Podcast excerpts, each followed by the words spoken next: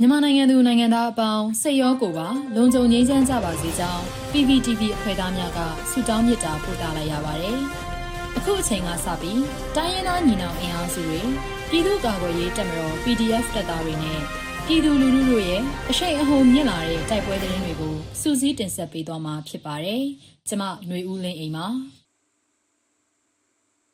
ပထမဆုံးအနေနဲ့ KIA PDF ပူပေါင်းတပ်နဲ့စစ်ကောင်စီတပ်တို့ကြားတိုက်ပွဲဖြစ်ပွားပြီးစစ်ကောင်စီထိနာတဲ့တဲ့ရင်ကိုတင်ဆက်ပေးပါမယ်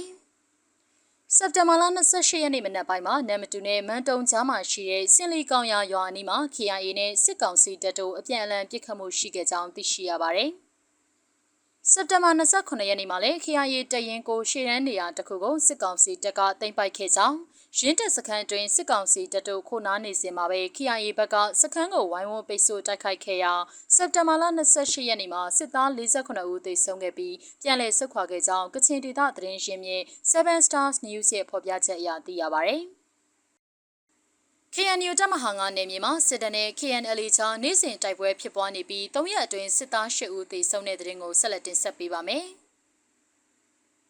ကရင်မျိုးသားစီယုံ KNU ရဲ့ကော်တူလေးအုပ်ချုပ်နယ်မြေတပ်မဟာ9ဖောက်ပွန်ခရိုင်အတွင်းမှာနယ်မြေကျူးကျော်လာတဲ့စစ်တပ်နဲ့ကရင်မျိုးသားလွတ်မြောက်ရေးတပ်မတော် KNL တပ်ဖွဲ့တွေကြားနေ့စဉ်တိုက်ပွဲတွေဖြစ်ပွားနေပြီးစက်တင်ဘာလ26ရက်မှ28ရက်အတွင်းစစ်သား8ဦးသေဆုံးက3ဦးဒဏ်ရာရကြောင်းမူတရောသတင်းစင်ကထုတ်ပြန်ပါတယ်။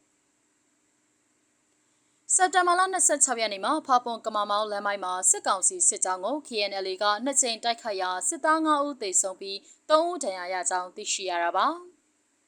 စက်တဘာလ29ရက်မနက်၈နာရီမှာလူသောမြို့နယ်မှာစစ်တပ်နဲ့ KNL ကြားနှစ်ကြိမ်တိုက်ပွဲဖြစ်ပွားပြီးစစ်သားတအုပ်သေဆုံးကြောင်း KNU တပ်မဟာ9ရဲ့ထုတ်ပြန်ချက်အရသိရပါဗျ။ အလားတူစက်တင်ဘာလ28ရက်မနေ့ကမနက်ပိုင်းမှာဘူးတုံမြို့နယ်အတွင်းရှိခေါ်ဘုတ်စစ်တပ်စခန်းကို KNL ကဒကြိမ်ဝင်ရောက်တိုက်ခိုက်ခဲ့ကြောင်းမွန်းလွဲပိုင်းမှာမဲဝိုင်စစ်တပ်စခန်းကိုနှစ်ကြိမ်တိုက်ခိုက်ခဲ့ကြောင်းနဲ့တိုက်ခိုက်မှုနှစ်ခုမှာစစ်ကောင်စီဘက်က2ဦးသေဆုံးကြောင်းသိရှိရပါတယ်။သုံးရက်အတွင်းတိုက်ပွဲများတွင်ကရင်မျိုးသားလွတ်မြောက်ရေးတပ်မတော်ဘက်ကထိခိုက်မှုမရှိခဲ့ပါဘူး။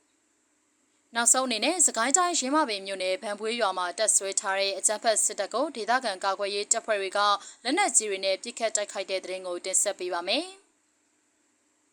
စကိုင်းတိုင်းရေမပင်မြို့နယ်ဗန်ပွေးရွာမှာတက်ဆွဲထားတဲ့အကြမ်းဖက်စစ်တပ်ကိုဒေသခံကာကွယ်ရေးတပ်ဖွဲ့တွေကလက်နက်ကြီးတွေနဲ့ပစ်ခတ်တိုက်ခိုက်ခဲ့ပြီးထိခိုက်ဒေဆုံးမှုရှိကြောင်းသိရပါဗျ။